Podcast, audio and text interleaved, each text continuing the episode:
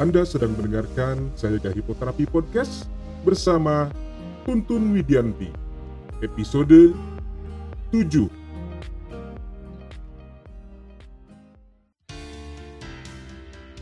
Selamat datang di serial audio podcast bersama Sayaga Hipnoterapi, institusi penyedia layanan hipnoterapi dan konseling profesional di Kota Bandung yang membantu penanganan berbagai masalah kesehatan, emosi, dan perilaku yang mengganggu kualitas hidup.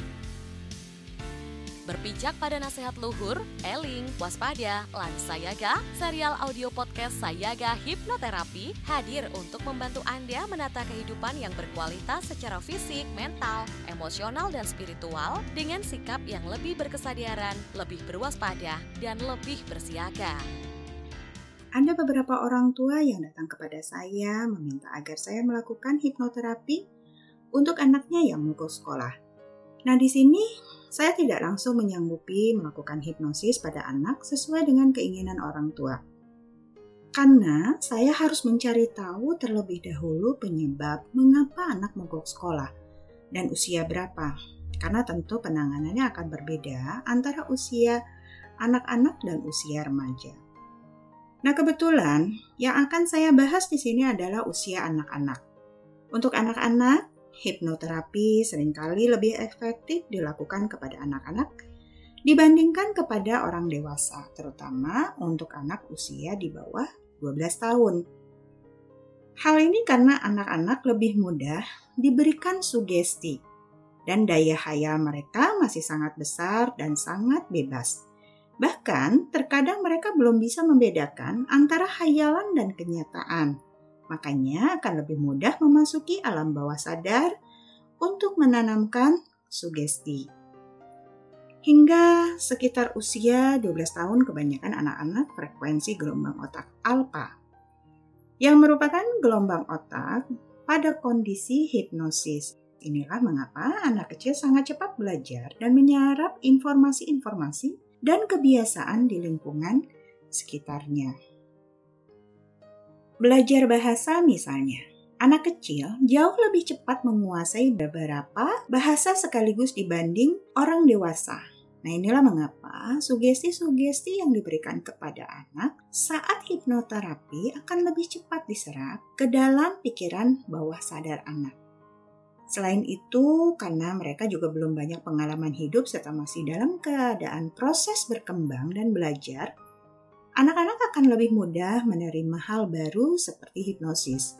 Sedangkan orang dewasa terkadang menyimpan keraguan dan secara tidak sadar resisten terhadap proses hipnosis. Sehingga butuh waktu lebih lama untuk memasuki alam bawah sadar.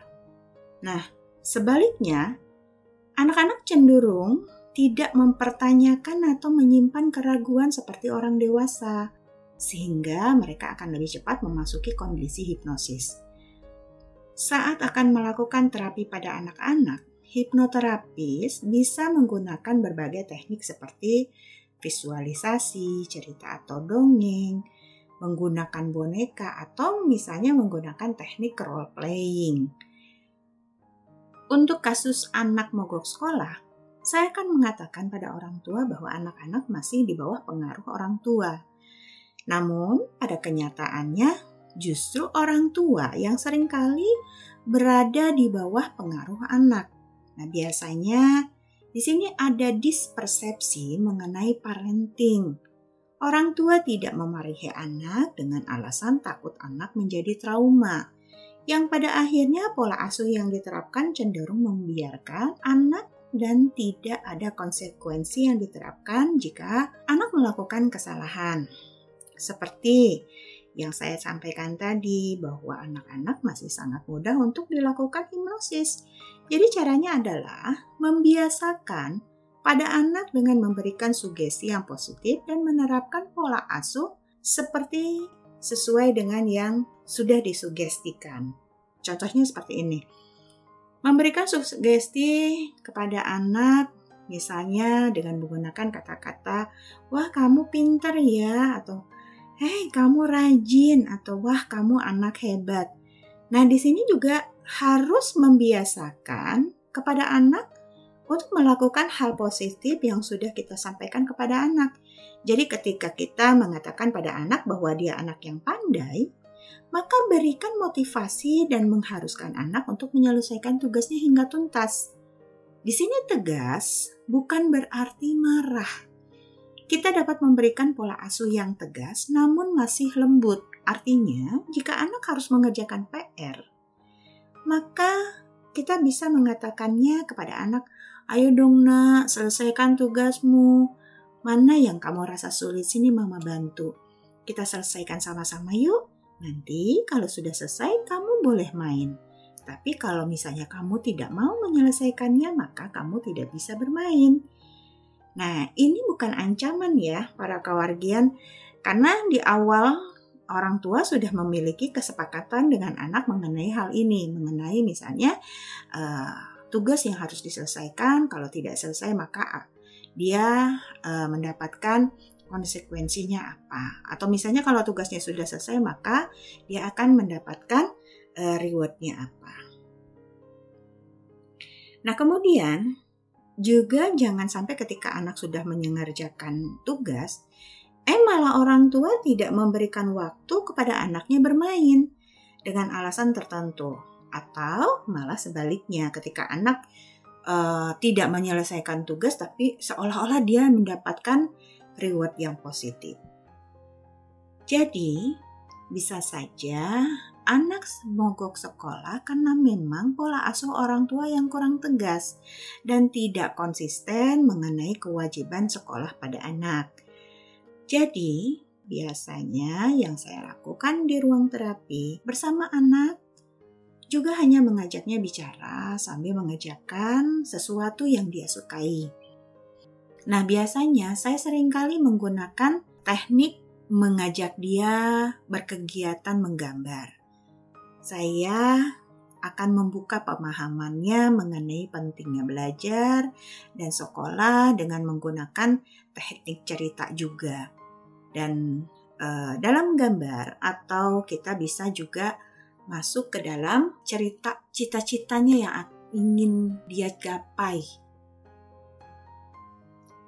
Kemudian saya di sana akan memberikan afirmasi positif pada anak. Jadi, kawargian sayaga hipnosis bisa dilakukan pada anak-anak dengan memberikan sugesti positif yang dilakukan secara berulang-ulang dan pola asuh yang diterapkan juga harus tegas, konsisten dan sesuai dengan sugesti yang diberikan.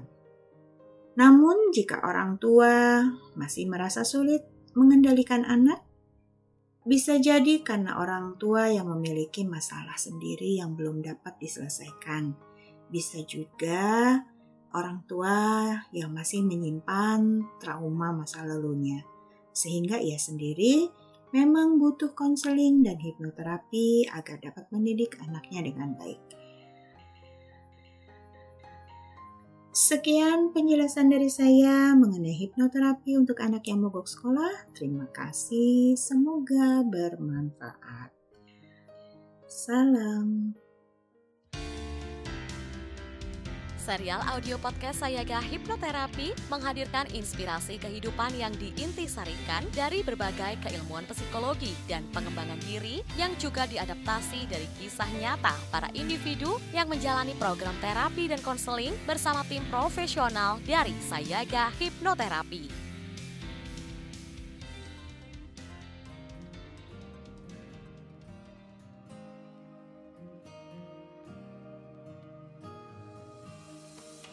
Dapatkan lebih banyak inspirasi menarik lainnya dengan ikuti Instagram at dan podcast channel Sayaga Hipnoterapi. Kunjungi juga website www.hipnoterapibandung.com untuk temukan lebih banyak informasi menarik lainnya, termasuk untuk memesan layanan hipnoterapi dan konseling bersama para tim profesional dari Sayaga Hipnoterapi Bandung untuk membantu Anda menangani berbagai masalah kesehatan emosi, dan perilaku yang mengganggu kualitas hidup. Mari menjalankan kehidupan yang eling, waspada, lan sayaga.